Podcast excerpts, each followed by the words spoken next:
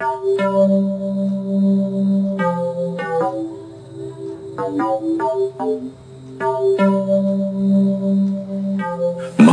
tujuh latifah.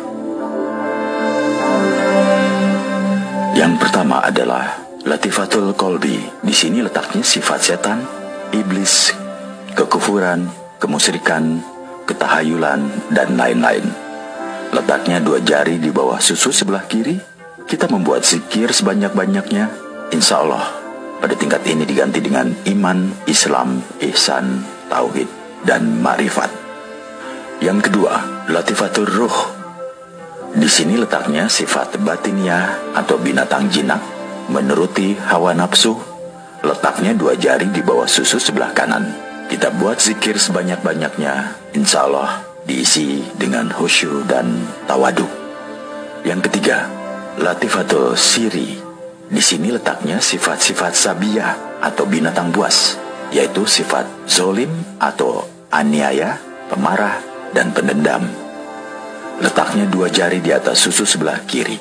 Kita buat zikir sebanyak-banyaknya, insya Allah diganti dengan sifat kasih sayang dan ramah tamah. Yang keempat, latifatul kafi. Di sini letaknya sifat-sifat pendengki, hianat, dan sifat-sifat Saitonia. Letaknya dua jari di atas susu sebelah kanan. Kita buat zikir sebanyak-banyaknya. Insya Allah diganti dengan sifat-sifat syukur dan sabar. Yang kelima, Latifatul Ahfa. Di sini letaknya sifat-sifat Robinia, yaitu ria, takabur, ujub, suma, dan lain-lain.